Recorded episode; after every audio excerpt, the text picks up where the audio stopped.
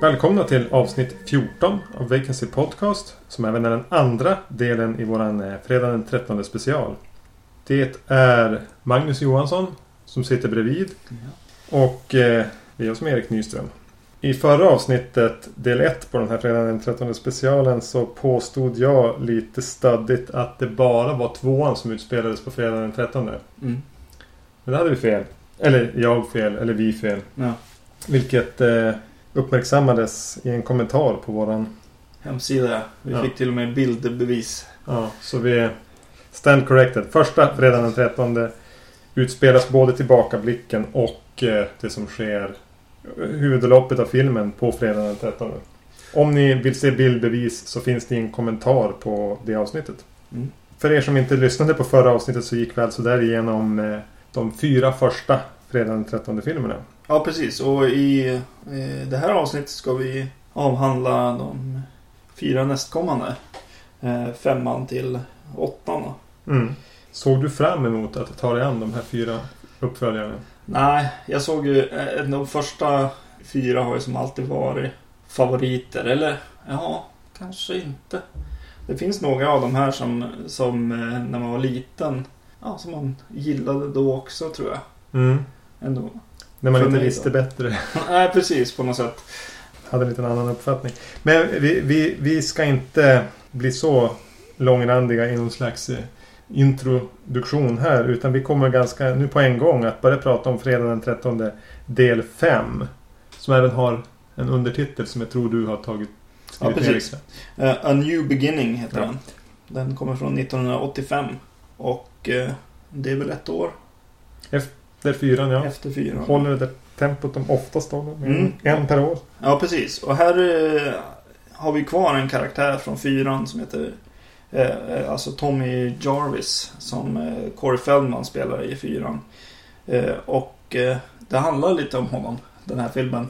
Ja. Han eh, anländer till ett eh, någon slags... Eh, han har väl varit på mentalsjukhus och nu i någon slags förberedande syfte att komma ut i världen och kunna ta hand om sig själv så, så kommer han till ett eh, någon slags gruppboende. ja. Någon öppen institution ute på landet. Just det. Och eh, där... Börjar folk dö. Ja, Vi behöver inte gå in så noga på det. nej. Eh, vi kan väl redan nu varna att vi kommer att spoila den här filmen. Och de kommande... Ja. Så om ni inte sett dem och inte vill veta någonting eh, om hur de slutar eller eventuella twistar så kan ni sluta lyssna. Ja, precis. Och med det sagt kan vi väl säga att femte delen här är väl den som är mest känd för en sak. Nämligen att mördaren eh, inte är Jason Voorhees och inte heller hans mamma. Utan någon helt annan. Mm.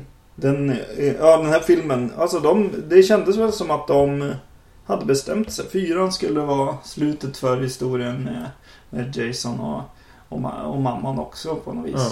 Och eh, här ska, det, ska något eh, nytt eh, spår födas och Det är då Tommy Jarvis som är nyckelfigur där. ja, precis. Men det är inte han som är mördaren här. Nej. Utan det är... Jag har glömt bort att skriva upp vad han heter. Ja. Det är en... Heter han Ted? Nej. Bob. Roy! Roy! Roy, Roy. Roy! Det är en, en ambulanschaufför som alltså ser en, en, en... Hans son blir mördad av en av de intagna på det psyket som får någon slags psykos. Mm. Och eh, det slås slint. Mm. Så det är alltså en liten twist på den här filmen. Ja. Eh, som jag inte kan minnas om att när jag såg den. Hur man...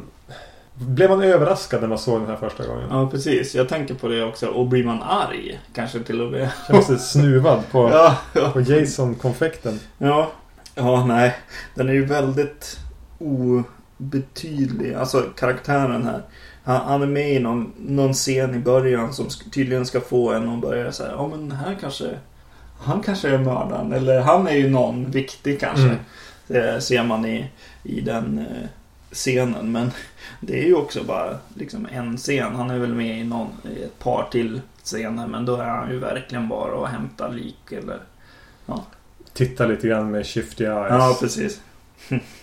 ja, nej, det är väldigt eh, svagt på något vis.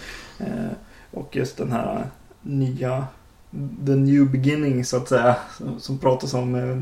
Eh, ja, det blir ju att den här filmen inte är där än. Utan den, den påbörjar någonting Mm. snarare. Så att den, den har, det är som en mellanhistoria innan en slutpunchline i slutet som, som, som ska ha skapat nästa mördare egentligen Ja. i hela serien. Eh, det jag läser av i alla fall. Ja, och jag tror det var, det var det som var tanken också. Det jag lyckats läsa. Mm. Ursäkta. Det jag har lyckats läsa om den här filmen så var tanken precis det att det den här skulle göra skulle vara att skapa den nya mördaren i fredagen den 13 scenen. Som Mm. inte skulle vara Jason Voorhees. Nej, och det är ju ganska ballsy. Nej men Ja, det är ganska modigt. modigt att, göra en hel film som bara liksom introducerar en ny mördare utan att använda mördaren Nej. i filmen. Utan, För det är ju inte den här Roy, ambulanschauffören, som är tänkt att bli den nya mördaren. nej, nej precis. För det, det känner man ju i den här. Den här Roy har ju ingen bakgrundshistoria som är intressant eller ikonisk på något vis. Men det visar sig ju sen i slutet att eh, Tommy Jarvis har ju det i allra högsta grad. Särskilt i serien. Det känns som det är ändå ett bra val av, av mördare i framtiden. Liksom. Eh, att, att ta den här Tommy Jarvis som, som likt Jason är med om något eh, väldigt hemskt när han är barn. Corey Feldman spelade ju Tom Jarvis i Mm. fyran. Eh, och kunde inte vara med i den här. Han eh, spelade in Goonies istället. Mm. Men han är med i en liten cameo i början. Eh, I någon slags tillbakablick. Eller en mardröm är det väl. Han drömmer att någon är och gräver upp Jason.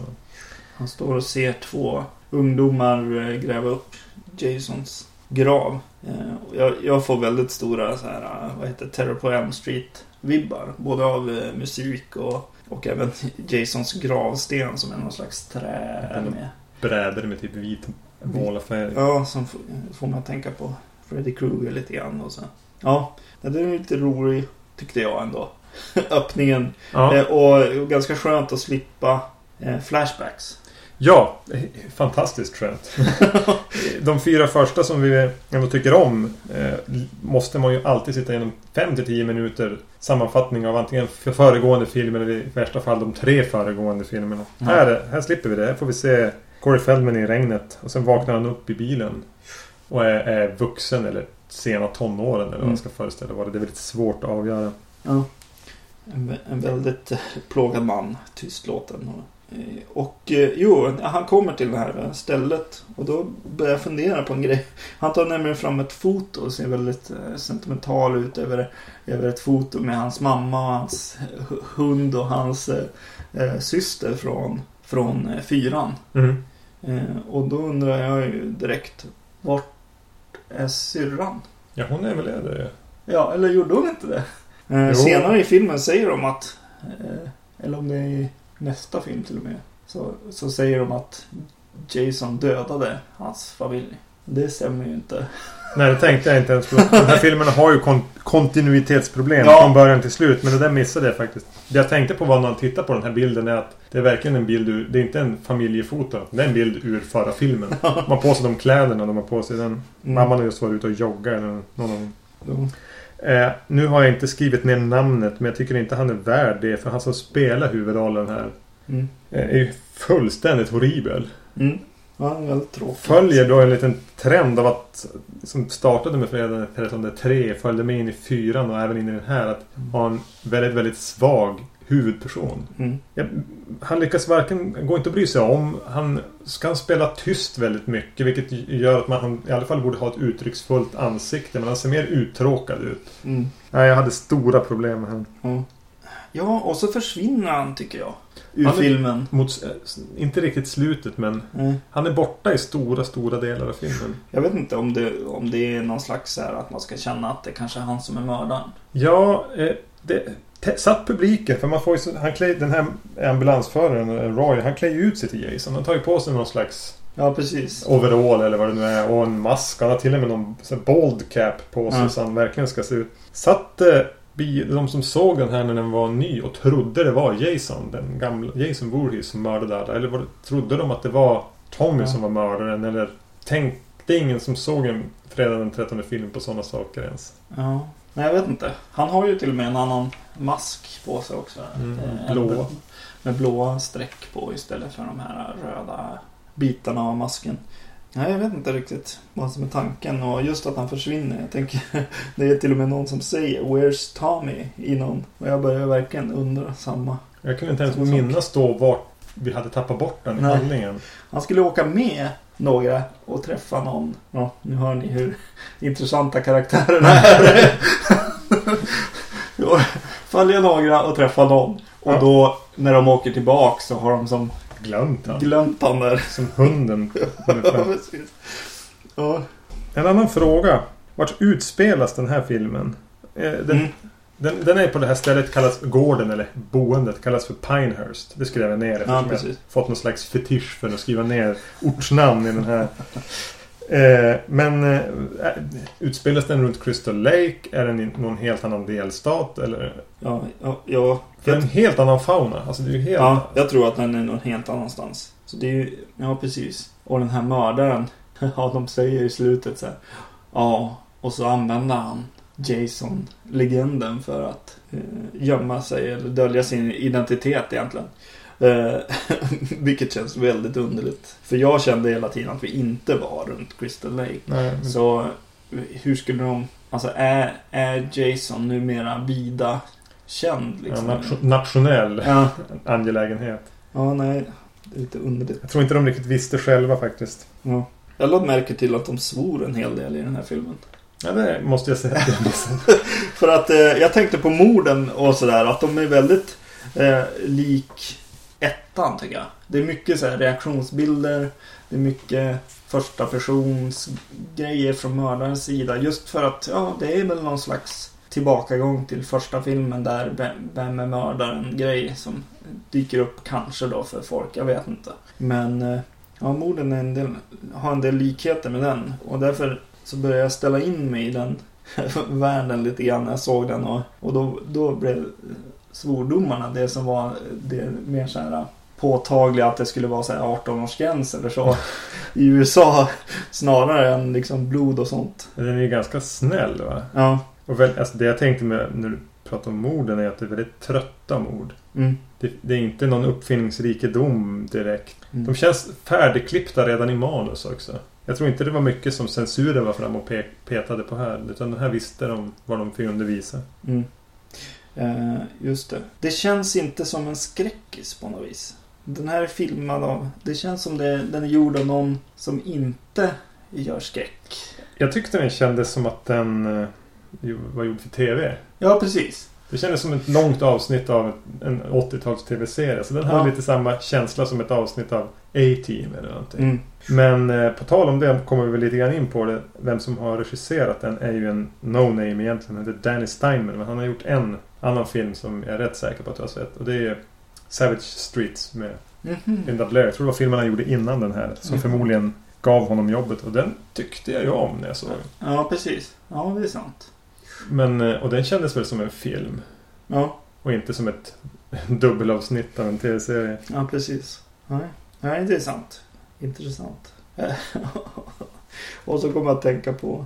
Jag bara hoppar runt här lite grann, men eh, hon... eh, Det känns som det igen har kastats en ung... eh, ung eh, skådespelerska som ska vara en gammal Redneck. redneck-kvinna.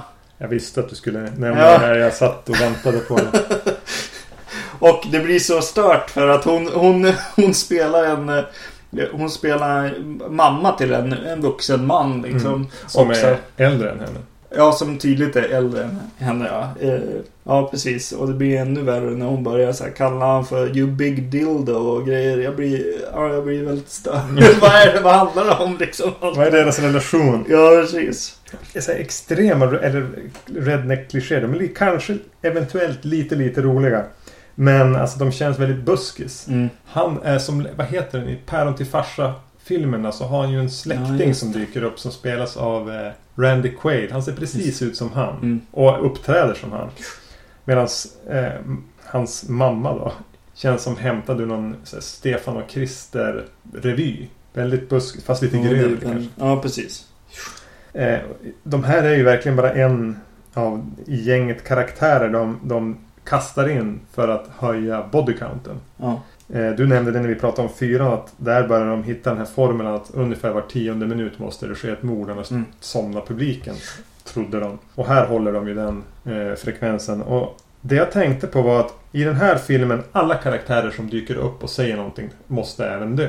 Mm. Det, det nästan känns tvångsmässigt. Om man jämför med första filmen där Crazy Ralph är med, han dör inte. Polisen som kommer dit på motorcykel och liksom läxar upp dem. Ändå med, dör inte. Den som skjutsar dit, liften, han dör inte. Hade någon av de karaktärerna varit med i den här filmen hade de inte överlevt fem minuter. Nej. Här måste allting som pratar dö. Mm.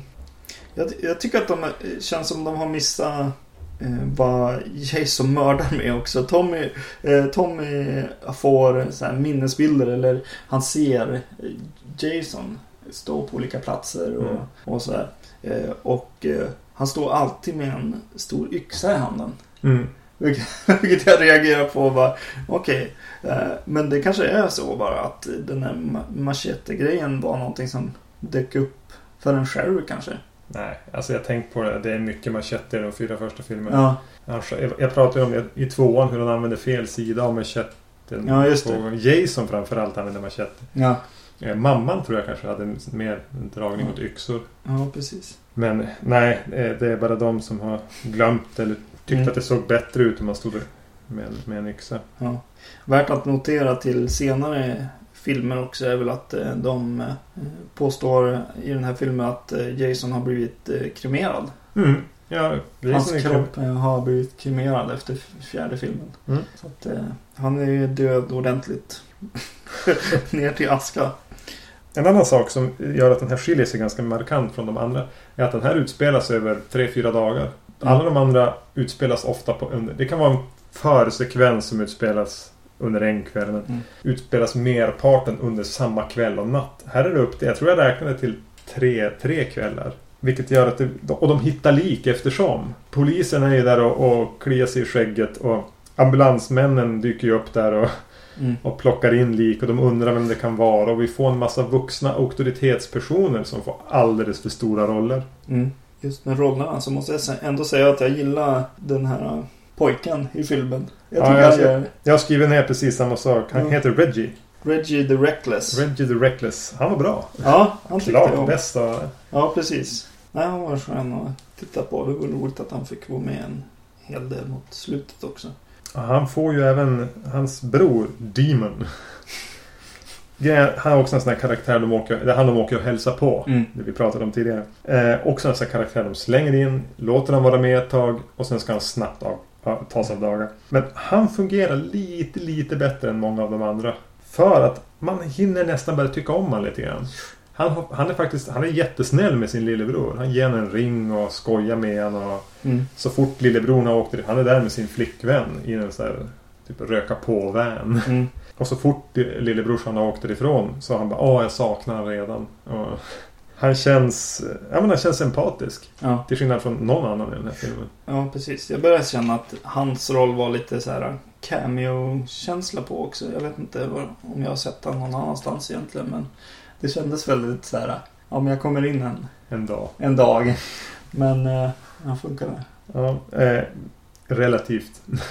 Men han Ja. funkade i den här filmen var bland de Ja, bättre. precis. Eh, jag- jag tänkte på en till grej. Nu är det ju 1985 vi är i. Och eh, de börjar ta en ny drog. Ja just det. Kokain. Kokain. Kokainet gäller nu. Jag, jag, Ja.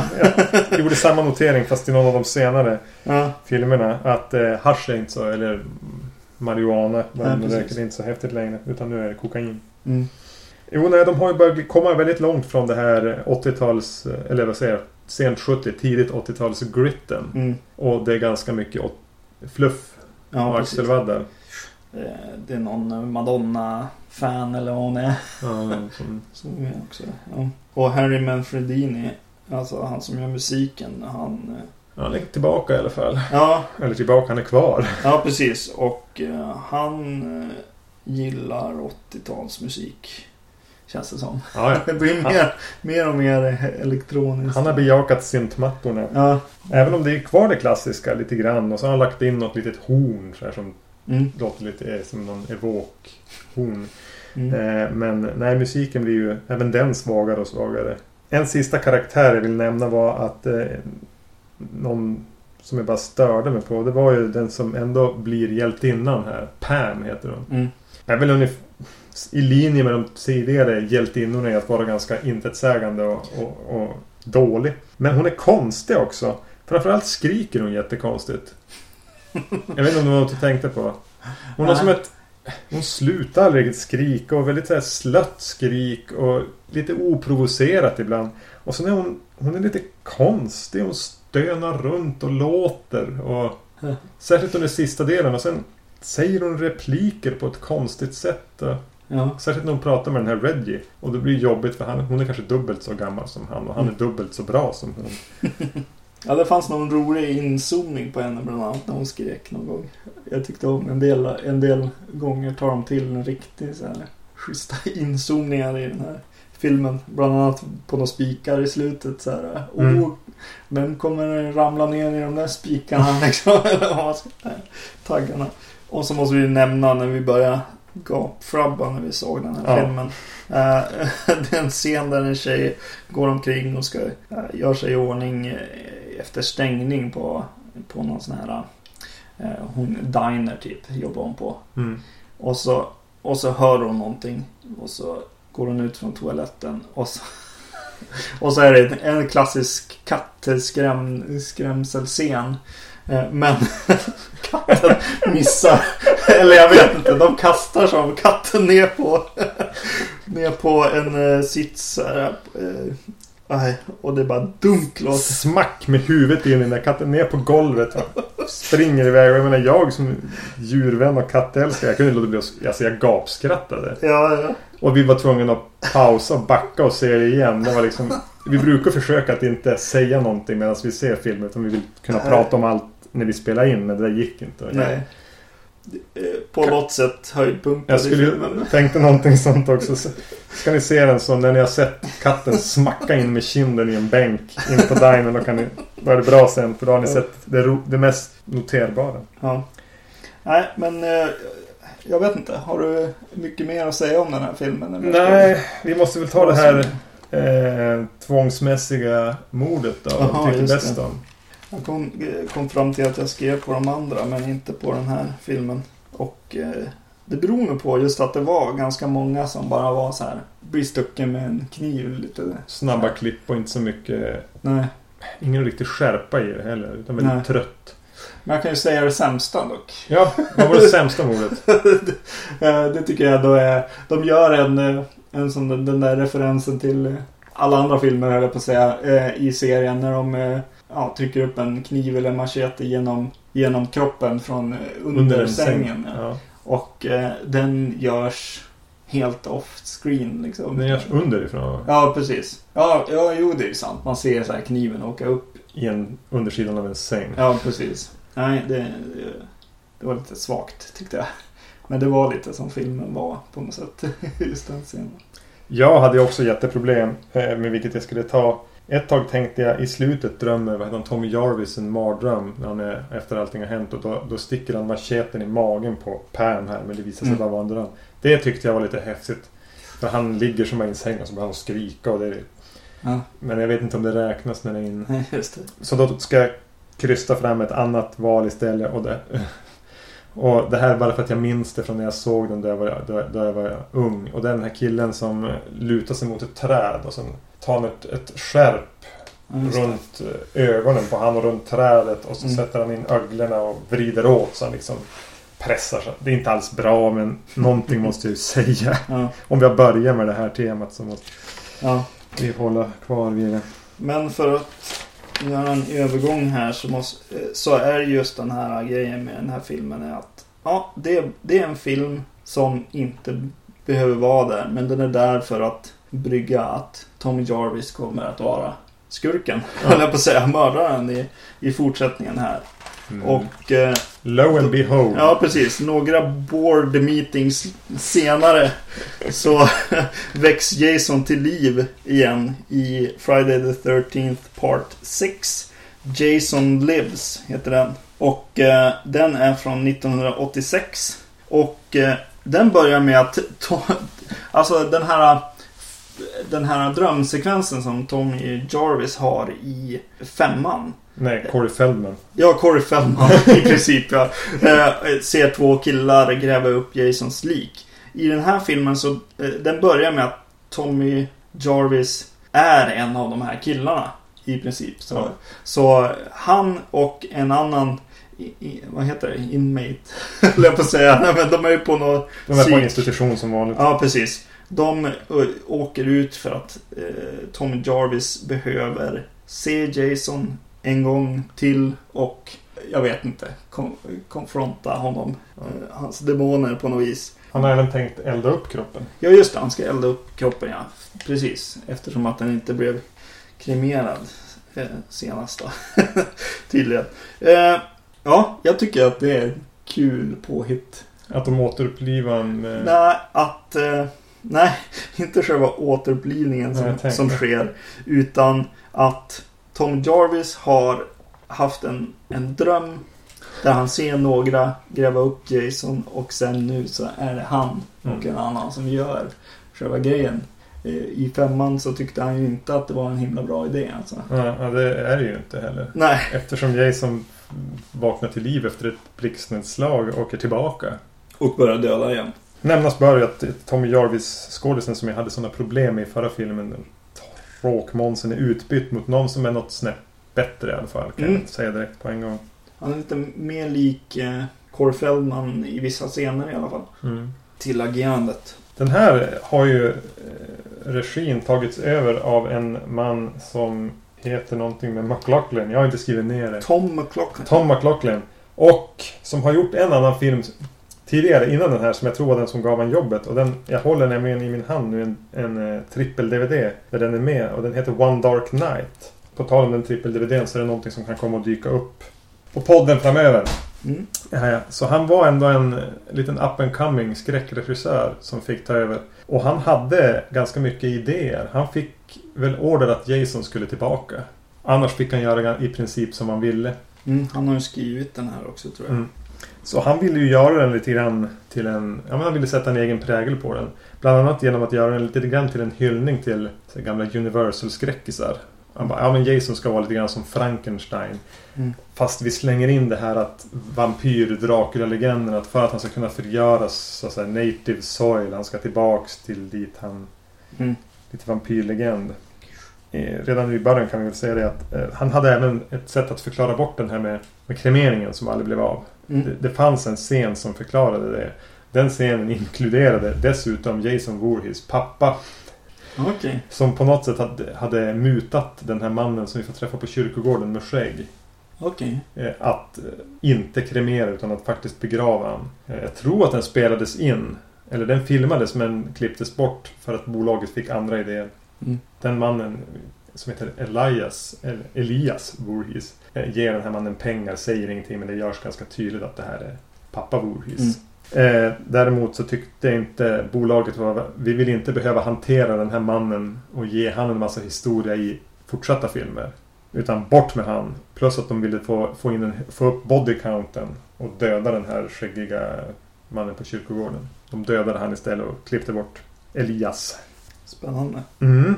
Ja, ja, det här är ju en komedi. Ja. Rakt av. Det är en, en slags parodi på sin egna serie.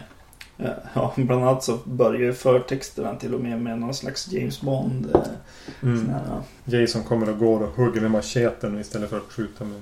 Ja, och eh, ja, jag, jag- jag tycker att ja, bland annat det här paintball-gänget som dyker upp är väldigt, väldigt ja, det, det, det drar ju lite för långt verkligen. Det blir ju verkligen ja, buskis Buskishumor. humor.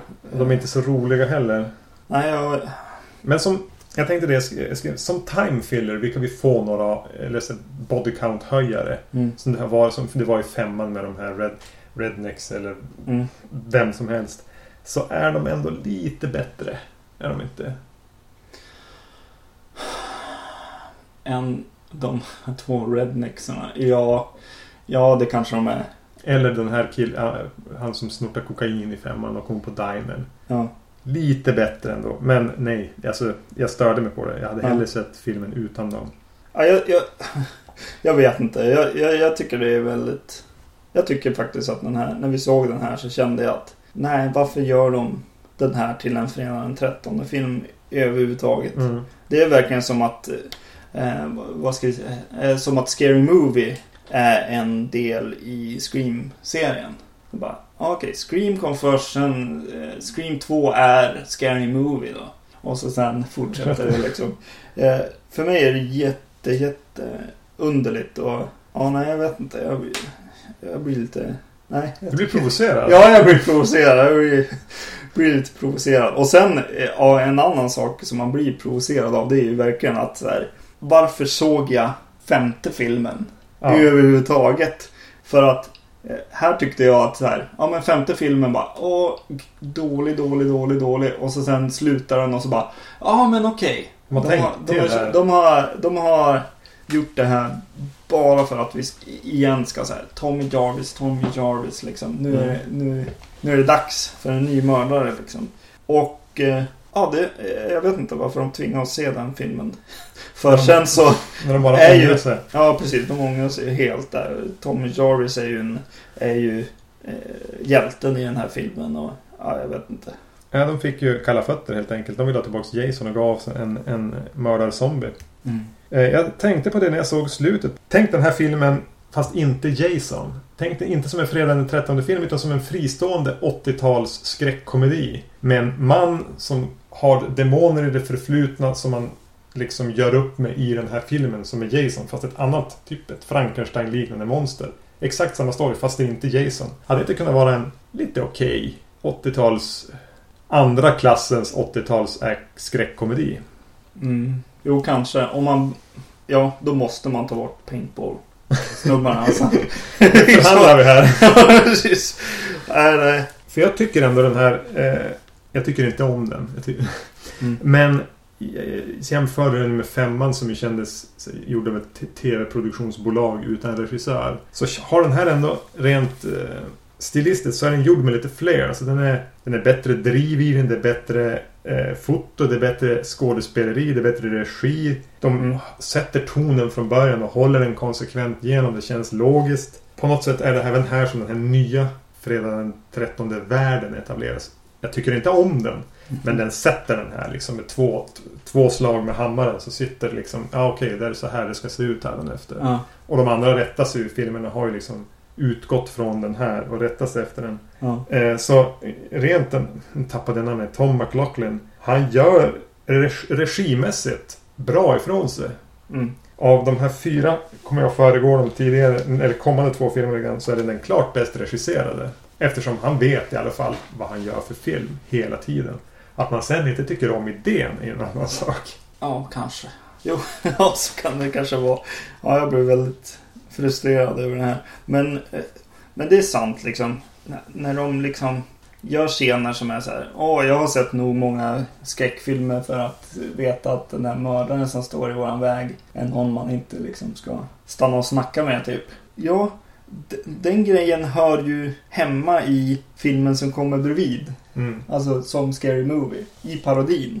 Och det, eh, för mig blir det väldigt, väldigt konstigt att dra in den direkt som en... Som liksom, ja det här är del 6 i... Ja, I serien. Jag, jag förstår vad du menar. Mm. Eh, och sen får vi ju igen, ja, som du säger, någon Frankenstein-liknande Jason här också. Som är väldigt eh, mekanisk och... Eh, ja, det känns som att han, han, han, han som spelar honom här får så här, Höj kniven nu! Och så höjer han kniven och så... att det är som att han har någon hörsnäcka som han får alla commands och så gör han dem, utför han dem. Det är väldigt... Eh, ja, mekaniskt. Eh, Ja, det är ingen bra Jason. Nej. Men det är inte någon av eh, de här fyra filmerna. Det är första gången det är med barn. Vi har sett hur många filmer som helst på ett camp. Men Just helt det. plötsligt så dyker det upp barn där också. Mm. Det gillar ju du.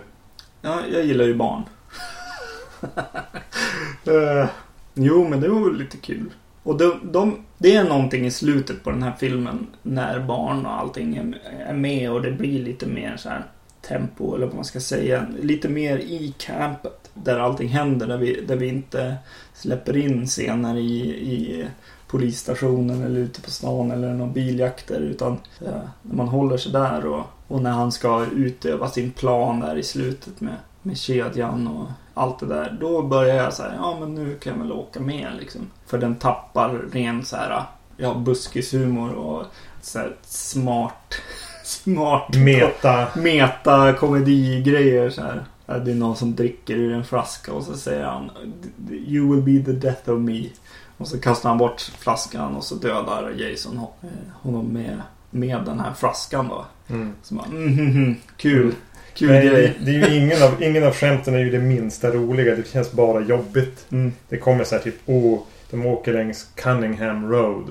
mm, Efter Sean S. Cunningham som eh, gjorde första filmen. Mm. De pratar en, om så här, Karloffs General Store. Eller. Mm. Men sluta. de, de vill åka till Carpenter för att göra någonting också. Ja. Och så vad heter det? vad heter han? Polisen heter ju någonting också. De fick slut på namn tror jag. Han heter Garris. Garris. Efter Mick Garris. Ja, jag tänkte Den det. sämsta regissören som någonsin har fått göra film. Det är helt otroligt. Ja. Eller om det liksom är det, är det som är roligt egentligen. Ja, just det. Det är ett skämt om något. Att göra en hommage till Mick Garris. Men det är ju lite roligt för den här kommer när? Du skrev ner det var 86 var det då? Ja, precis. Eh, de, de ligger ju 10 år före liksom Scream. Och Mm. skämten känns ungefär som att någon skulle komma med Scream-skämten om 10 år. Så Mm. gamla och trötta känns de. Medan det kändes fräscht i Scream 10 år senare. Mm. Så den är ju... Jag försöker liksom eh, på något sätt försvara fi- filmen här. Att den är inte på något sätt bra skriven. Det är ingen bra idé. Humorn är inte Mm. bra. Men själva hantverket utöver författandet är ofta ganska bra. Ja. Eh, om man bortser från orden som inte är Ja. vidare här. Ja, men det kan jag säga. Ja, men det kan jag hålla med om. Särskilt efter förra eh, femman som är väl en torr, torr, torrbollfilm på något vis. Eh, så är ju den här, har ju en... Framförallt drivet som du pratar om är, är ju där. Så att eh, man hinner aldrig bli liksom less på en scen eller så. Nej. Eh, Så, så det är ju bra och även viss fot, foto ja, som du tar upp också. Eh, Mot slutet framförallt tycker jag. Och då säger jag att det är bättre än femman. Det är, det är Mm. inte något som kvalar in på någon lista. Nej. Bästa foto i en skräckfilm direkt. Och så får de här evinnerliga bilderna på Jason på promenad. Jag vill inte se han. Han går i skogen, mask, machete, lite mögel. Möglig det. hud. Trampa, trampa, trampa. Han går ganska snabbt också. Trampa, trampa. Det är som att de klipper in det med jämna mellanrum. Ja. Vad gör det där? Vem- Vem vill se det? Ja, precis. Ja, eh, Alice Cooper gör, gör ju den här låten, vad heter han? Man behind the mask. I den här eftertexten. Jag tror att han var kompis med regissören eller hur det var. Eh, det- Det är en gräslig låt. För ja, verkligen. Ja, har vi kommit till bästa mordet? Du har något? verkligen forcerat igenom den här. Ja, ja. Tyckte inte om den. Jag har kvar några grejer jag vill säga som jag faktiskt tyckte om med den. Ja. Jo, jag gillade, jag gillade Megan. Hon som är eh, Final Girl kan man väl kalla för. Hjältinnan. Mm. Ja, Hon är den bästa sen Ginny. I, eh, hon är den näst bästa i hela serien efter Ginny. Mm. Eh, jag vet inte riktigt vad det är som... Hon är med i V också. Jag känner igen tv-serien V. Eh, det. får man alltid lite pluspoäng hos mig. Men bara när hon kommer in direkt liksom. Ja, jag gillar den där tjejen. Hon känns liksom lite charmig, glimten i ögat, kan agera, har lite karisma. Ja, precis. Jo, Och sen har hon lite så här busigt hormon. Lite kåt sådär. Mm. Och flörtig. På ett, ja, men det lät som att hon känner att hon tar för sig lite grann. Mm. Så, så det gillar jag. Ja, hon står ju upp mot liksom Ja, hennes pappa till exempel som är Som ju är sheriff liksom. Ja, Så att, eh, ja Jo, men det kan jag nog hålla med om. kan är det. Ja, precis. Och även så gillade jag lite grann sheriffen.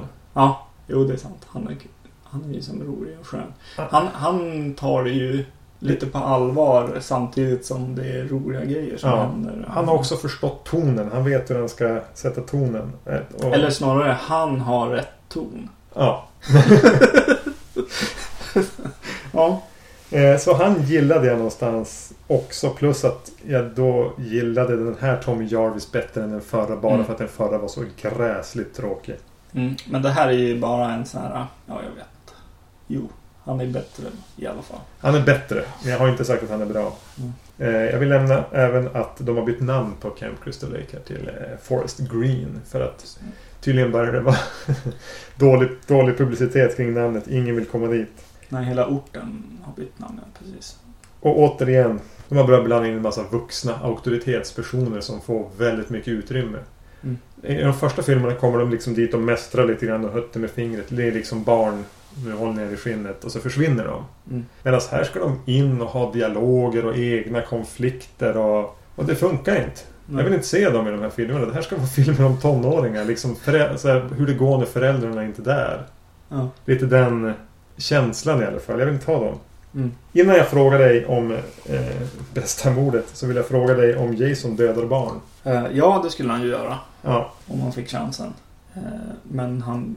han prioriterar hela tiden ner det. Ja, precis. Eh, jag minns bara när man, när man såg de här filmerna när man var typ barn. Mm. Så sa, var liksom Nej men Jason dödar inte barn. Och då var liksom den här filmen beviset på det. Ja, precis. Och, eh, vilket var skönt för oss då, som var barn. Så vi behövde ju inte vara så rädda för han dödar inte oss. Ja, precis. Ja. ja, bästa mordet.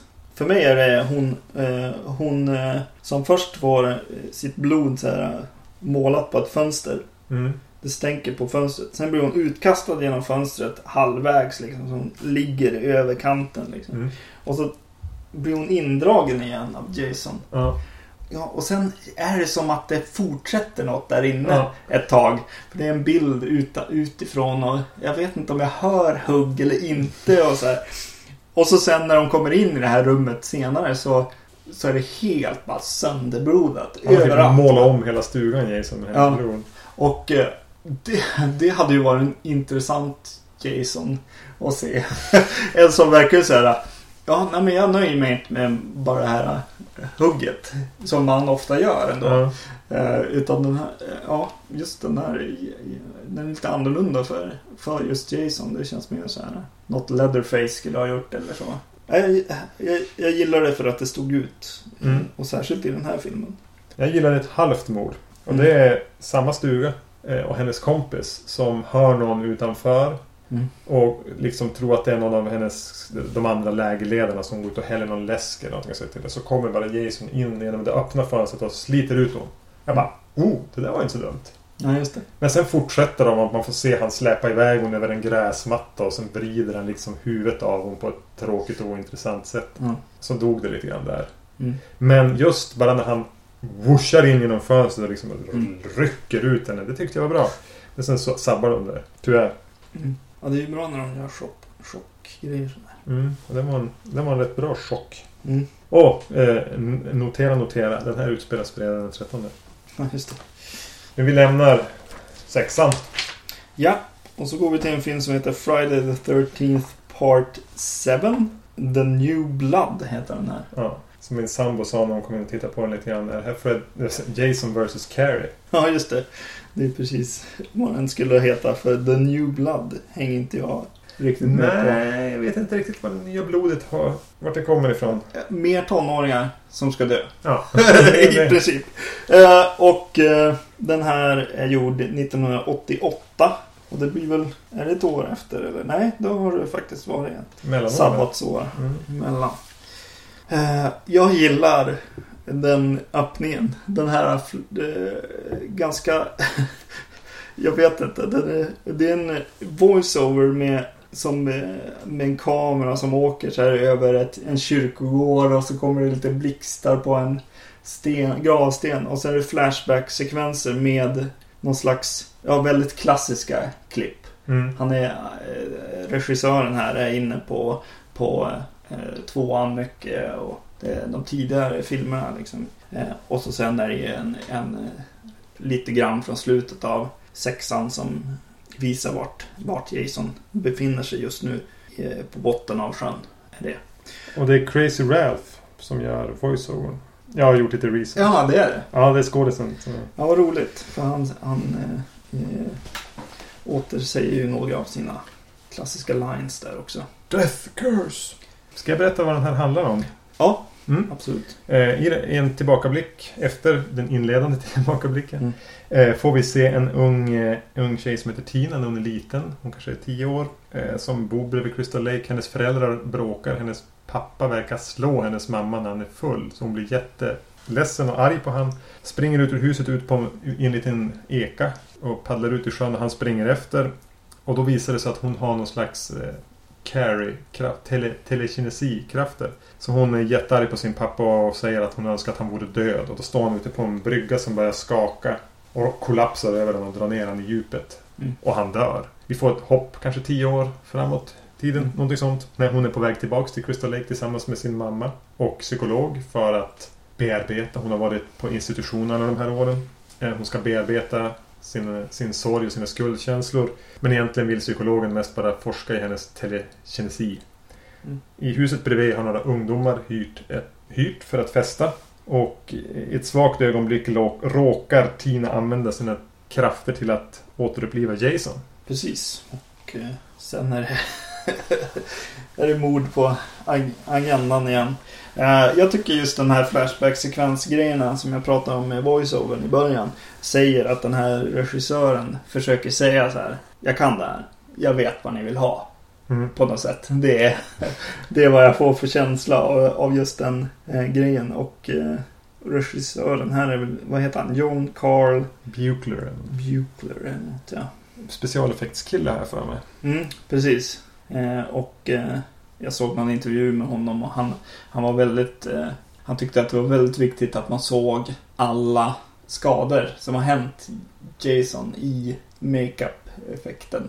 Ja, det är han nog ganska noga med. Ja, det känns som att han gillar fredagen 13. Ja, det känns som ett fan som har fått Ja. regissera. Innan vi går djupare in i filmen. Det här var tänkt att det skulle vara Freddy vs Jason. Det var, det var, de jobbade på det och de ville kunna få göra det nu. De tyckte det var dags nu. Men det kollapsade med rättigheter och allting. Så Mhm. det kom att dröja. Så då fick vi istället Carrie vs Jason. Crystal Lake heter Crystal Lake igen. Nämns ingenting om att de har bytt tillbaks från Forest Green. Nej. Kanske andra sidan sjön.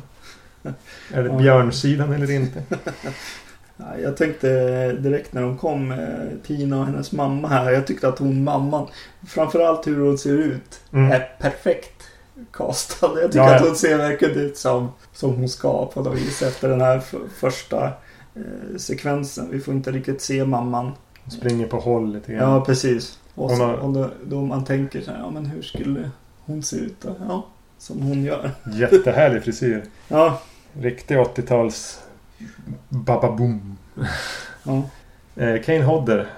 Eh, Allas vår älskade, kära, ljuvliga Kane Hodder spelar Jason. ja. Ska vi prata lite grann då vad vi tycker om Kane Hodder? ja. Eh, på något sätt kan jag väl säga att vi har väl inte båda två varit ganska överens om att vi inte gillade Kane Nej. alls. Att han på något sätt förstörde Jason. Men det var ju inte han som gjorde det kan man väl säga nu när man har sett dem på så Nej, Så precis. Jason var ju redan fördärvad när han tog över. Han gör väl kanske en lite bättre fördärvad Jason. Men det är fortfarande liksom det här macho hårdrockar Jason. Ja, precis. Ja, men i den här filmen tycker jag ändå att mot för nästa då som kommer komma så ja, det känns som att han används något sån här. Ja. lite, lite, lite mer så här, ja men prova på och vet inte riktigt vart det är på väg liksom. Eh, Men senare så blir han ju sin någon slags Kane Hodder helt enkelt. Mm. Kane Hodder som Jason. Ja, shit. Men han börjar ju valsa, eh, alltså bara gå lufsa bakom i kapp tonåringar, springande tonåringar Mm. i det här I redan. början med otyget. Ja. Jag har ju som velat ha Jason som en levande, riktig person. Mm. För jag vet inte, jag tycker det är läskigare. Eh, och även i, ja precis, som eh, Michael Myers eh, försöker vara i alla fall. Att, ja, det blir läskigare på något sätt. Och om man ändå ska så här embracea den här zombifierade Jason så, så kan jag tycka att eh, makeupen funkar på något vis i den här. Mycket mer än i den förra och i nästa, Mm. nästkommande. Framförallt när han som i den här tappar masken. Ja, Så är det en ganska bra make. ja, Han känns ganska levande i sin förruttnelse och, Mm. och kan uttrycka saker med, med, med framförallt underkäken som går Mm. runt. Eh, det känns ju som att han, den här regi- regissören, älskar sina specialeffekter eller på att säga. Eller specialeffekter överhuvudtaget. Det är väldigt mycket grejer, blixtar, stop motion grejer, ja, explosioner och Mm. grejer i den här filmen. Och det blir ganska actionfyllt mot, eh, mot slutet. En, en grej här då, det är ju den här läkaren eller psykologen här. Dr. Cruise. Ja. Stora delar av filmen handlar ju om eh, deras konflikt. Han, han och Tinas och, och mamman och att, att han bara vill åt hennes krafter på något sätt. Eller liksom bli en kändis eh, eh, psykolog. Mm. Skriva någon bok eller vara med på Oprah liksom. Han är ju, jag tycker han är så pass bra castad att det känns roligt att se på honom. Ja, jag håller med. Man tycker inte om han fast på ett bra sätt. Ja, precis. Han är väldigt bra. Och han är ju... Har jag fel? Nu får du säga vem, vem han är. Jag tänkte att han var Weekend at Bernies Tror inte det. skådisen. Nej. Nej, jag har ingen aning. Jag har Ja, I mitt huvud så var han honom. ja, ja. Eh, nej, jag, jag, gillar, jag gillar de grejerna. Så. Det, det, får, det får gärna vara utan liksom mord och Jason. De sekvenserna där de är med. Tycker jag. Triangeldrama. Ja, blev gripen av det. Så, nej men, eh, och särskilt efter, efter de här filmerna. Att det är kul att få följa lite karaktärer eh, annat än Jason. Och, och, och faktiskt liksom fördjupa någon. Vi slipper Tommy Jarvis. Ja. Aldrig gillar han. Mm. Eh, Jag tycker hon är ganska bra, hon som spelar Tina också. Mm. Hon är rätt i rollen. Hon är stressad och pressad och, men ändå lite ja, men, charmig Ja. på ett återhållsamt sätt. Ja. Och jag tycker även, hon hittar ju en, en snubbe här som heter Nick. Lite träbock, Mm. men jag tycker de funkar bra ihop. De Ja. har någon kemi faktiskt. Och han är väl, ja han är inte den roligaste men han funkar som den där hjältinnans bihang. Jo, absolut. Men eh, stackars de andra. Känns det som. De andra i den här eh, stugan bredvid. De är ju verkligen bara kanonmat. Kanonmat.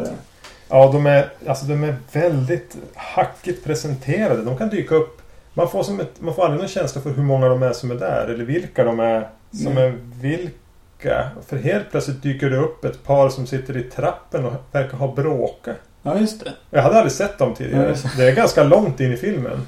Man kanske skymtar dem i bakgrunden. Jag vet inte Ja. om de har klippt ner deras roller men jag visste knappt att de var där och jag visste inte om de hade någon ansträngd relation. Men då blir de sams i alla fall. Mm. Men nej, de hanteras väldigt slapp, alltså slappt Mm. och hackigt. De försöker göra någonting med den här Melissa the Bitch. Ja, precis. Men nej, det, Nej, jag tycker inte om att tycka illa om henne. nej precis. Det känns som något problem med två, två hus. Grejen på något vis. Det här känns ju väldigt mycket som fyran det. Ja, precis. En familj i det ena huset, Mm. ett gäng i det andra huset och så flyttar vi oss däremellan. Två hus som de förmodligen har byggt upp i en studie eller på Mm. en backlot. Och så har de några ställen i skogen de är på. Mm. Och det är ju där Jason börjar kännas som han är överallt också. Överallt samtidigt. För han, han hoppar mellan husen och ut i skogen och... Ja, jag vet inte. Det skulle vara kul att försöka rita upp husen och skogen runt och sjön och så rita hur Jason rör sig i den här filmen. Han är ganska likt fyran på det sättet. Ja. Ja. Och man undrar om det är någonting som har uppstått i hur de har flyttat om någonting. Man fick den känslan i fyran kanske. Mm. Att de hade flyttat om något Ja, i, när de började spela in. Men här tror jag de bara skitit i att det ska hänga ihop. ja Och bara kört. Jo. Det här var ju den... eh, jag- hade den här inspelad på VHS. Och jag såg den väldigt, väldigt mycket. Mm. En, en period. Kanske i högstadiet, gymnasiet någon gång. Jag såg den ganska... Så det här är nog den... Förut kanske. Det kan till och med vara så att jag sett den här fler gånger än tvåan. Mm. Men efter tvåan är det definitivt den jag sett eh, flest gånger. Jag kan många repliker. Jag vet exakt hur varje karaktär kommer att dö. Ja. Och Jason, det är jättemycket stryk han tar också. Ja, gud ändå. Slut sista 20 minuterna. Mm. Alltså han har ju inte en chans mot Carrie. Eller Nej. Tina. Hon elektrifierar han i en vattenpöl. Hon kastar några grejer i huvudet. En soffa på han. Hon river ner en sån här patio på han. Ja. Kastar spikar på honom. Ja, sätter eld på honom. Kastar ner för den genom en trapp. Och... Hänger honom. Mm, Ja, det... det är liksom, det här är ju inte schysst. Nej. Han har ju, det här är inte... Nej, han ser ju lite förvånad ut och så här uppgiven. Ja, han ger ju nästan upp där ett tag. Ja. Eh, jag läste det. När de tänder eld på honom så gjorde hon sätter, lyckas ju använda sina krafter att dränka in honom med bensin och, och, och fjutta eld på honom. Eh, och det var tydligen första gången i en film som man faktiskt såg när personen tar eld och inte Mm. gör det genom att klippa. Han står där och så kommer elden bakifrån ut ur Mm. en, en kamin och han tar eld i en enda tagning. Och sen trampar han runt väldigt länge och brinner. Eh, och det var väl en rätt schysst effekt. Mm. Den här har ju tydligen blivit slaktad på klippbordet också. Okej. Han... Eh, all, alla scener är mycket, mycket, mycket, mycket, mycket, mycket, mycket mer grafiska. Mm. Eh, men de har aldrig lyckats klämma fram dem i... Det sägs att materialet har blivit förstört, alltså negativen har blivit förstörda eller att Paramount har kasserat dem eller att det finns mycket historier. Men i princip alla mord är, finns i en mycket mer grafisk Mm. och längre. Och det syns ju ibland att det kommer. Ja, klipp. Ja. Jo, det är sant. Den här eh, sovsäcksscenen. Den eh, är ju ganska känd. Han släpper ut en tjej i en sovsäck och Ja. Dunkar henne i ett träd och släpper Mm. ner dem. Och det ska ju vara flera gånger. Ja. Och det roliga med den var att när den visades på bio så var det den, den långa varianten. Han, då slår han henne i trädet sex gånger. Mm. Eh, här är det en gång. Och någonstans blev det fel. De klippte ner den till videomarknaden och sen har den försvunnit, originalversionen. Mm. Eh, och den blir ju... En bra idé blir ju rätt tam där. Ja, verkligen. Ja, jag tänkte på det också. Just att eh, Kane Hodder kom in här och eh, just den där eh, sovsäcken är väl eh, startskottet på någon slags, slags mer eh, kreativa mord eller vad man ska säga. Det är inte bara välj vapen och...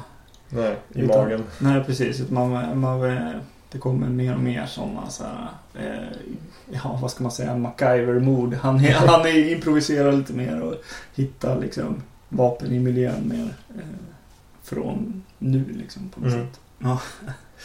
Det är ju jätteroligt med den här läkaren alltså. när, han, när han verkligen mot slutet eh, visar upp hela sitt ego på något vis. Sin, när, när han håller upp en... eh, Ja, det är, det är Tinas mamma som han håller upp som sköld mot Jasons attacker. Tar det väldigt långt med att han skulle vara en skurk. ja, precis. Det är lite roligt. Eh, Vi har pratat om hittills i alla filmer ganska mycket om musiken också. Och det här är då första filmen utan Harry, Harry the Man. Mm. Här, jag skrev inte ner namnet på honom, men det är någon annan som har gjort musiken i alla fall. Mm. Eh, återanvänder ju en del av... Ja, precis. Det Jag tror klassiska. hans namn står med. Ja, de har ju med det, Ja, musiken och lite grann av stråkarna. Mm. Men samtidigt har de slängt på någon sån här Terminator 2-musik. Jättehård, som bara slår med knytnäven på, på synten. Mm. Jättehårt. Och, med, eh, och de mixar inte riktigt ihop. Nej. De passar inte alls tillsammans. Men han försöker ju göra en klassisk Fredagen den 13 intro. Med den här svarta och namnen som dyker upp på det sättet. Och musiken som ska vara lite intensiv men istället bara blir lite monoton.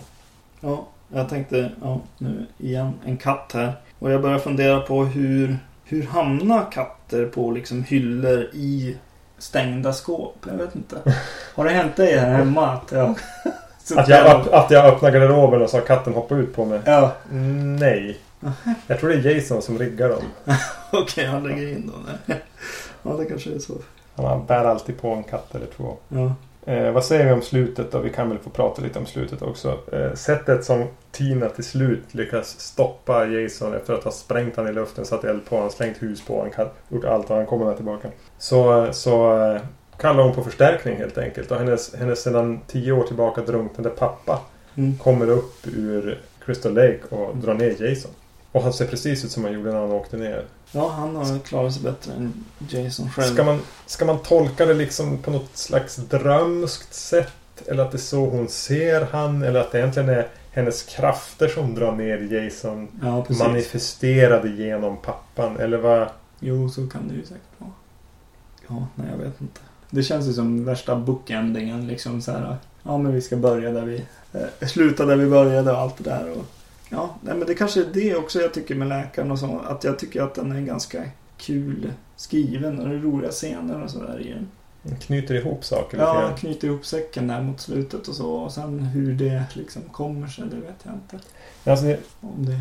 jag har aldrig stört mig på att pappan kommer upp i Nej. slutet. På något sätt. Vilket Nej. man egentligen borde kunna göra. Det borde vara en stor bara va? Ja, men det är snarare... Ja, det är det han ska göra. Ja. På något vis. På något sätt så redeemar han sig själv för att ha varit den här halvalkade kvinnomisshandlaren. Så det är en konstig grej men jag stör mig inte på den. Och det, Ja. På något sätt fungerar det. Jag kände ju... Vi såg de här, vad blir det? Femman, sexan, sjuan på samma kväll. Ja. Eh, Jag tyckte ju att det var väldigt skönt att jag ändå tyckte att den här filmen var ganska okej. Det var ganska skönt att få avsluta med någon som liksom inte ja, förargade mig nästan. Alltså, jag tyckte nästan att de andra var lite så här.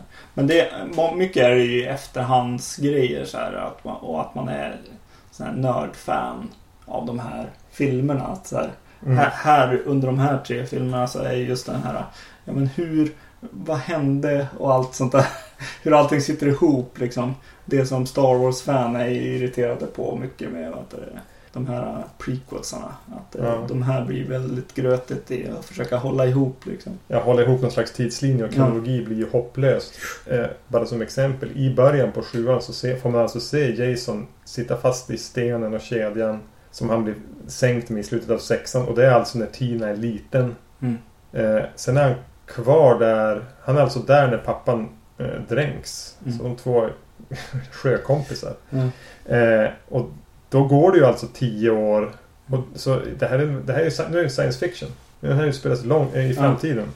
Jo, Eller så har de bara trasslat till det lite onödigt mycket för sig. ja Men ja, de tre som vi har sett hittills så tyck, tyckte jag om den här ändå Det var... tyckte att det var lite kul med alla. Ja men det var ju så här eh, lite eh, berg och dalbana tänket på något sätt som kommer in. Eh, Det är lite nästan som en actionrulle ibland. Eh, med mycket effekter och, Mm. och sådana grejer. Och, eh, ja, men jag smågillade den här faktiskt. Var skönt att du fick sluta den kvällssittningen vi gjorde då när vi såg de tre med den och att vi inte valde att se, Ja, eh, se en, en fjärde och nämligen se fredag den 13 8. Ja, precis. Jason Takes Manhattan. Ja, innan dess glömde vi ju bästa morden. Om Vi- det är någon där ute som bryr sig om det. Ja, men vi kan nämna dem. Ja, jag, har, jag väljer igen en tjej som kastas ut ur ett fönster i slow motion. Det behöver vara likna en obehaglig fetisch där. jag kan gilla det. I det här fallet var det faktiskt landningen som var bäst. bara rakt ner på, på marken liksom. Dunk, raklång. Bara, inget, inget fass liksom. Inget Ja. extra. Återigen en sån här jag tänkte, undrar om hon kanske överlevde. Ja, ja, ja precis. Jo, men det var ju lite så. Den var, den var inte så spektakulär på det viset. Det bara bunk. Hade det varit sovsexscenen med sex slag mot trädet. Mm. Då hade den förmodligen varit den jag hade tyckt bäst om. Nu får vi ett slag. det känns... Vad ta, jag köper inte. Eh, så jag väljer ett mord där upptrappningen är bättre än själva utförandet. Och den här eh, inom citationstecken fula tjejen. Mm. Som eh, springer in i någon lada och Jason följer efter. Hon springer runt och kryper under. Och jag tyckte den hade... Dels att de var inne i en lada. Fick det, det luktade lite grann som i tre, Mm. trean. Eh, fångade upp några av de vibbarna. Som jag ändå tyckte om. Mm. Sen att det inte är den bästa payoffen på det. Må väl vara. Mm. Jag, tyckte det, jag gillade känslan och uppbyggnaden. Mm. Nåväl. Nåväl. Tillbaks till åttan. Jason Takes Manhattan. Precis. Eh, Den kom, nu börjar det ta slut på 80-tal här, för den kom 1989. Det jag kan säga är det här var den sista av filmerna jag såg. Av de här åtta första. Det tog, den här var ändå ett tag efter. Jag hade sett alla de andra. Och den här var, den var lite ovanligare. Den visades inte lika mycket på TV. De här vevades ganska mycket på TV när vi var i tonåren. Eller så fanns de att hyra. Men den här var inte en av dem. Nej, just det. Nej, det här, nej, precis. Den här kom in i våran krets senare. Jag minns när jag var i, i Florida med mina föräldrar och det var 91. Att jag stod och tittade på den, hittade den på, på VHS där och vände på den och minns att det var en bild när han kommer in i, med, en hand genom en hytt. Och liksom åh den här skulle jag ju vilja köpa. Fast jag visste ju att man kunde inte se amerikanska VHS på svenska Just. videoapparater. Och redan då visste jag att det var den här jag inte hade sett. Ja. Och hade sett alla de andra. Det var 91. Ja. Vi var väldigt tidiga med de här filmerna. Ja, jo det är sant. Oj. Ja. Åldersmässigt. Så hade vi som sett oss less på dem när vi kom i tonåren. Ja, precis. Eh, och här visar det sig att i förra filmen så landade Jason på en, en kabel under vattnet. Tydligen. Och eh, eh, det är ett gäng ungdomar som ska åka iväg på en resa till New York. Två av de här ungdomarna Aha. är på sjön med en, i en båt mindre båt. och eh, kastar ankare som eh, ja, sätter en, startar någon slags eh, elektricitet som, eh, som väcker Frankensteins monster till liv här då. Eh, eller Jason. Eh, och eh, han åker med dem. Eller nej, han driver. Han dödar dem och driver ut till, en, till den här större båten. Genom, ja, jag vet inte riktigt hur han tar sig till havet. Crystal Lake har alltså en slags å-förbindelse med Ja. havet där båten väntar. Precis. Och eh, ja, då åker han med i den, en stor båt då, som de har eh, hyrt eller egentligen fått eh, låna av eh, en i klassens pappa är kapten på den Ja. båten. Så de får åka båtvägen till New York. Och Jason börjar döda folk på den här båten Mm. på väg till New York. Det första som händer är ju de här två som blir... Nej, det är inte det första som händer. Jag vill prata om introt. Jaha, okej. Alltså för det första så börjar ju filmen med liksom en, en skylinen över Ja, Manhattan. det. Mm. och en riktig så här 80-tals synti. Mm. Det känns som att det här skulle vara någon snutfilm med Charlie Sheen eller någonting. Ja. Och, man, och de visar bakgator och, och här, som står och värmer sig vid soptunnan. Man tänker bara, åh jävlar, det här är verkligen en New York-film helt plötsligt. Så den sätter ju verkligen förväntningarna Mm. på att nu ska man få se en riktig New York-skildring med Jason. Ja, men det här kan vara lite, kanske kan vara lite kul. Mm. Sen, men de, det håller den ju inte. Den får inte göra en sån där förtext och sen Nej.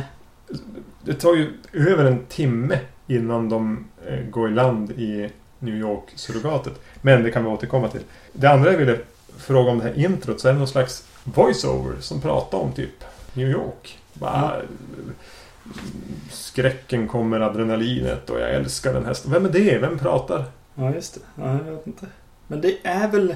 Ja, men är det inte han som de lyssnar på på radio sen?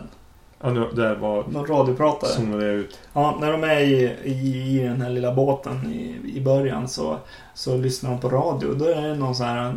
Jag tror att han är en New York-DJ.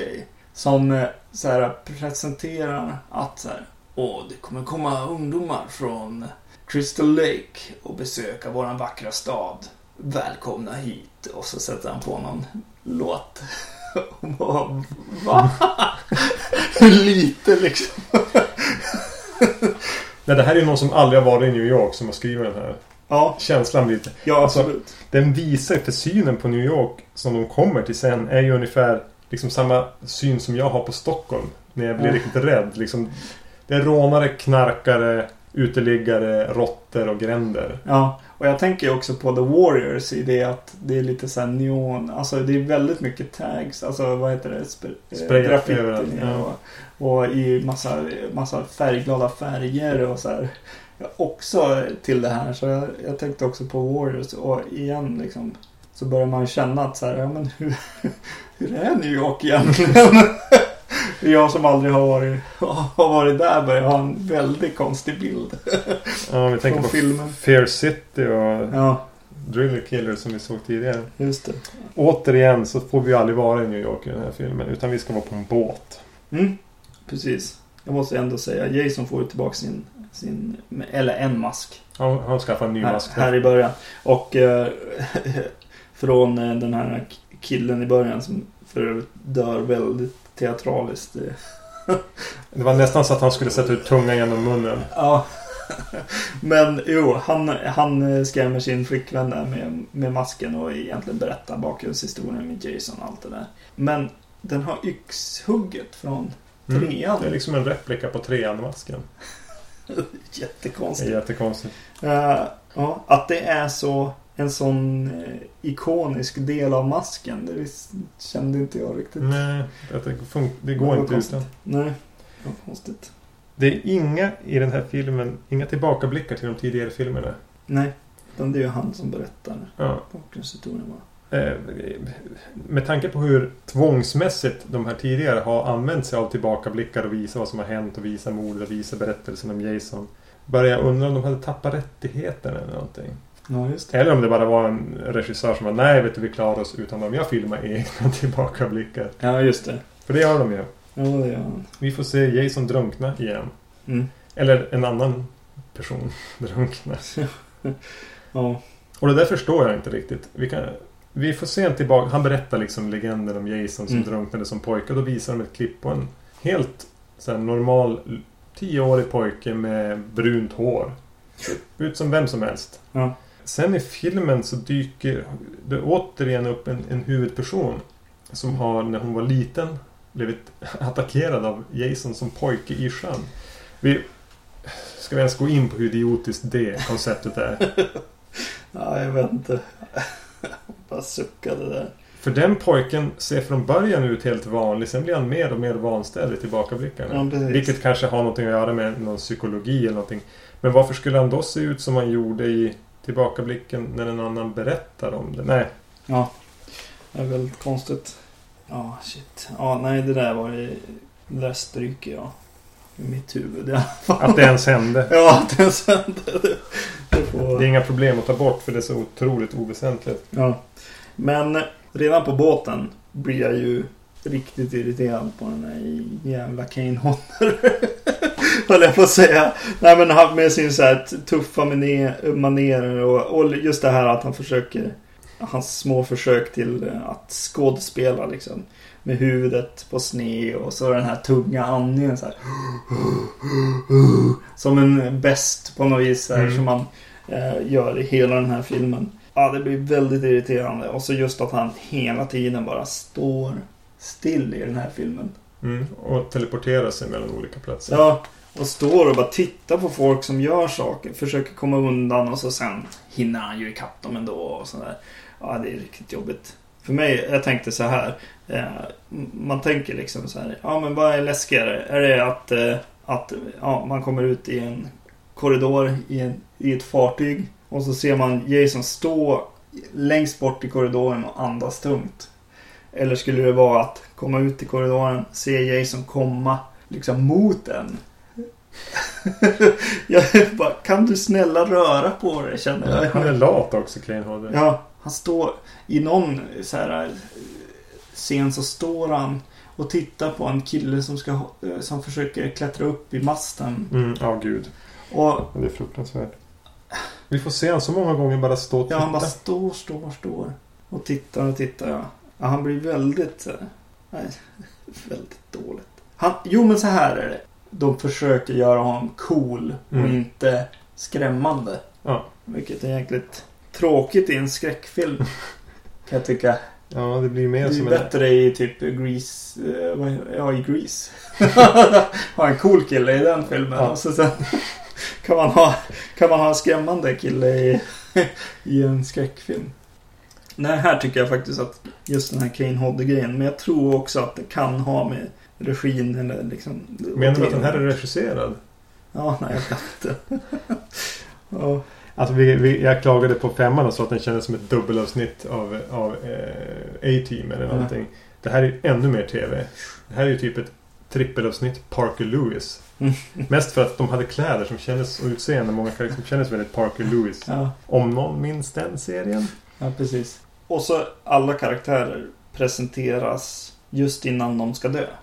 Som jag, jag hade någon slags minne av att hon, eh, hon den här tjejen som spelar in, eh, försöker spela in musikvideos och ha gitarrer med sig. Där. Mm. Jag hade någon slags minne av att hon var med i den här filmen. Ja, nej men det är hon ju inte. Nej, utan hon har en scen först för att säga jag vill, jag vill spela in musikvideo för jag spelar gitarr. Mm. Och så sen dör hon i nästa scen som hon är med. Och sen kan man ha sett några karaktärer i bakgrunden.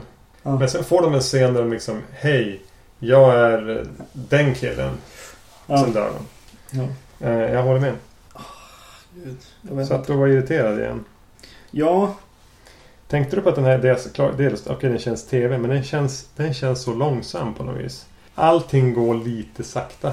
ja. Den, går, den är medicinerad den här filmen. Mm. Den är lite så slö som någon kan vara som medicinerar mot någonting. Både i replikerna och i hur de sen Mm. klipper och rör Och plus att Kane Hodder bara står still. Ja, och så att han är med hela tiden i liksom... Ja, i verkligen en helfigur med alltså... Ja, ja den är filmad dåligt. Ja, den är dåligt fotad. Ja, TV-fotad. Ja, verkligen. Särskilt i New York när man väl kommer dit också så är det verkligen rush-jobb där också. Eh, Just det. Vi får ju en, en karaktär som ska vara lite grann som den här Dr. Cruise i förra filmen. Mm. Uncle George som ska vara men den här 50-åriga elaka mannen Mm. som följer med. Och jag hade jätteroligt för första scenen han är med innan han börjar skrika och vara arg eller det börjar hända saker. När han är med och pratar lugnt så låter han precis som Vincent Price. Mm. Nu har inte du sett lika mycket Vincent Price som jag men herregud när han står och pratar med han måste imitera Vincent Price. Sättet att prata, det lite lugna. Mm. Eh, jättekul. Undrar om det var medvetet eller inte. Mm. Vad tyckte du om Uncle George? Ja, Ser jag som tänkte... ödla ungefär. Ja, precis. Eh, Jag tänkte hela tiden på vad han var liksom. Han fick så många olika roller på något vis. Ja, han var hennes, alltså hjältinnans farbror. Mm. Och så var han... Vad var han? Han var någon slags lärare eller rektor eller någonting Ja, kanske? precis. Jo, för han ska vad det, göra... Han ska kolla deras slutprov och grejer på båten. Ja. På deras någon slags avslutningsresa som de har. Ja, det är väldigt konstigt. Eh, Jag tycker... Ja, och så är han ju sån jäkla... ja, Han säger ju bara nej. Alltså, han är Mm. bara där för att vara nej-säger. Han har egentligen ingen egen agenda. Han har ju inget han ska utföra på något sätt. Han har inget motiv till någonting. Han är rättshaveristen. Ja, precis. Ja, Han, vi ska sätta ner ankaret. Nej, det ska vi inte! ja, Det är Jason som bara Nej, det är det inte! ja, precis. Det, Ja, precis. För, för det han har, det är ju att han, han har gjort, eh, gjort en hemsk grej med henne, hon huvudtjejen här, när hon var barn. Eh, Genom att eh, försöka lära henne att simma genom att knuffa ner henne i vattnet. mm. Eh, där hon då blir neddragen av Jason. Eh, ja, så han har inget nu som han är ute efter på något vis.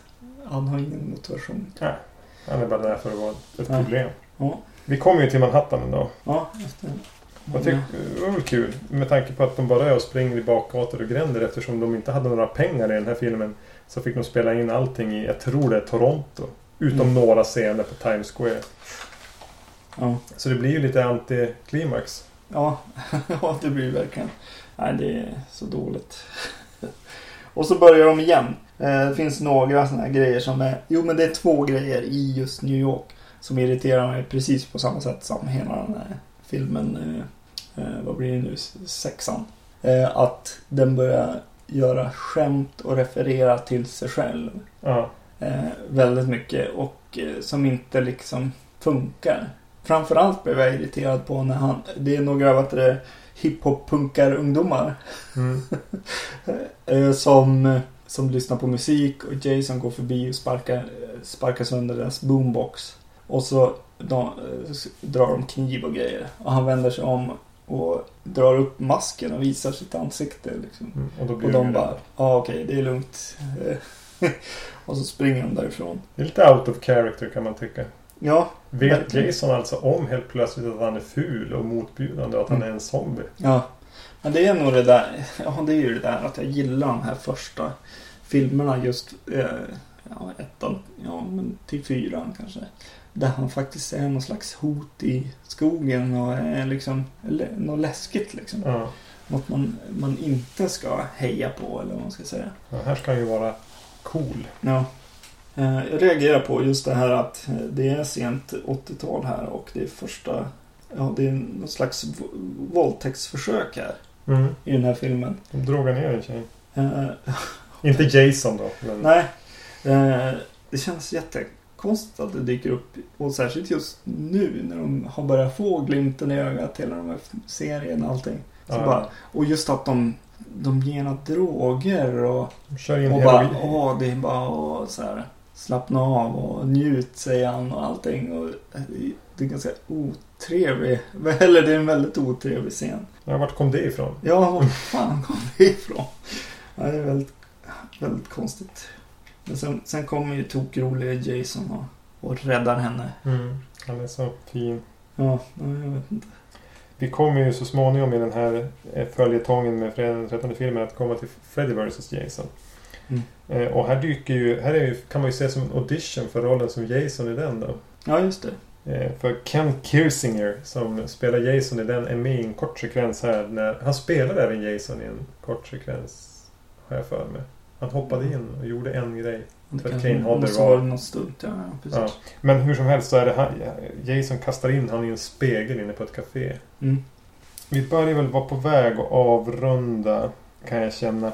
Men jag måste säga två saker om slutet och det här är jättelöjligt. Mm. Jag skäms jag lite grann för min... För, och lite orolig för hur det fungerar. Men alldeles, alldeles i slutet så är de nere i kloakerna. Då fyller de med... Av någon anledning så spolas det toxic waste genom dem nattetid. Ja. Och våra huvudpersoner lyckas ta sig upp på en...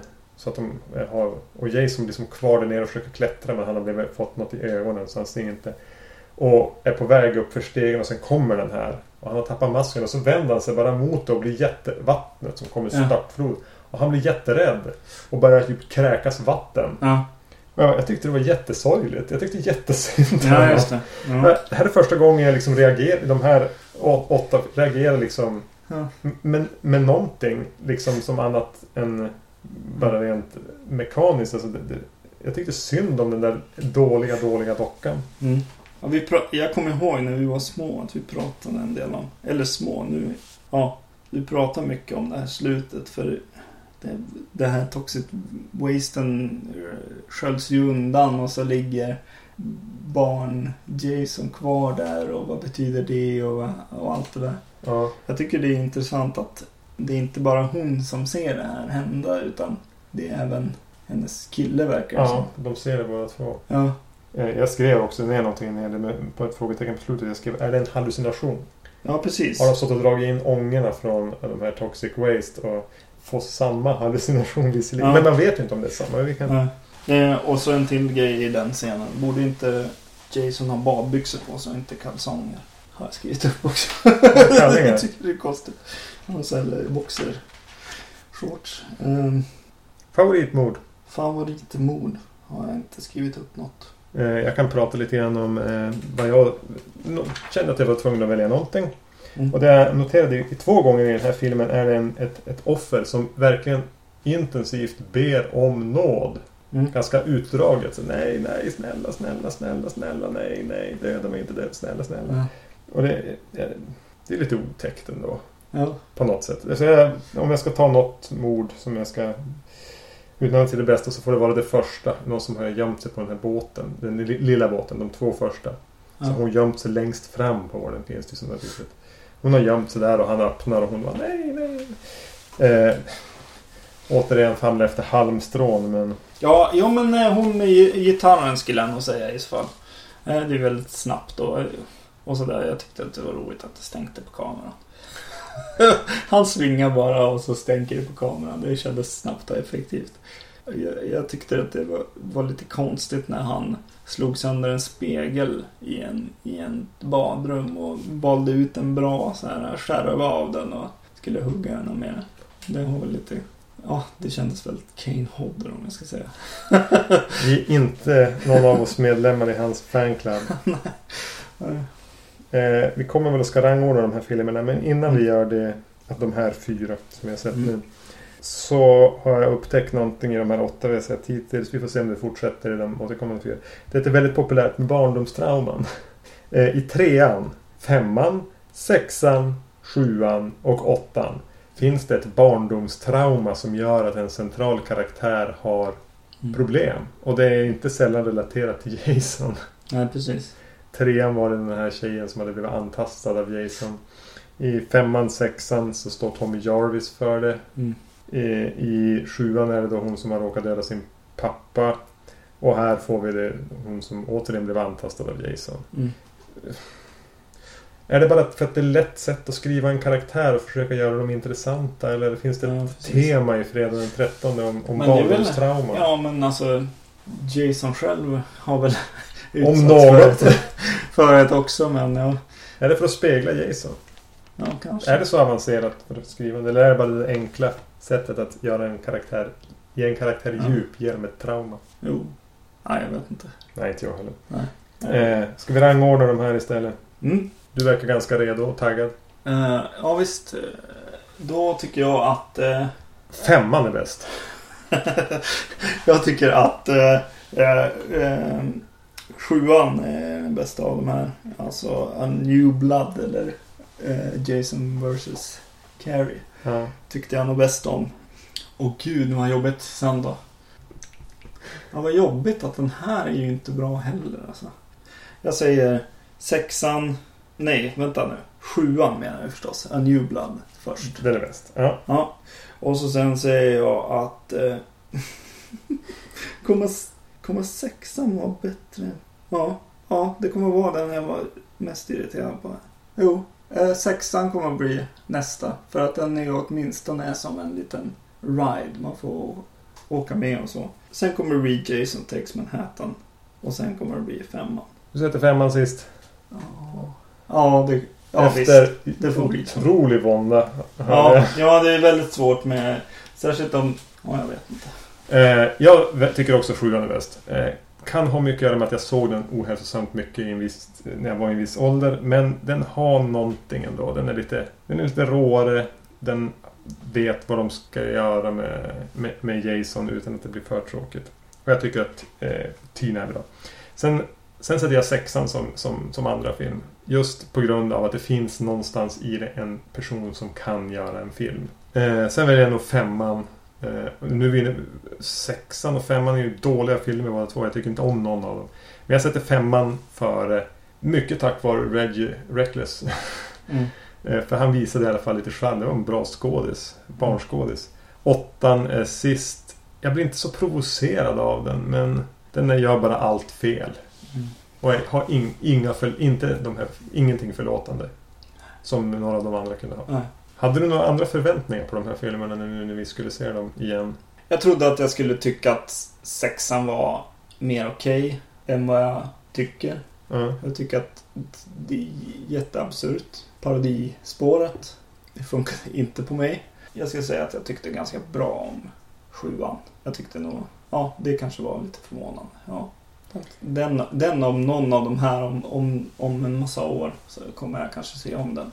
Mm. Jo, det är nog den jag kommer att se om av den här. Den återvänder jag till då och då. Just, den är enkel. Den vet vad de ska leverera. Och, Mm. och det, jag har sett den mycket.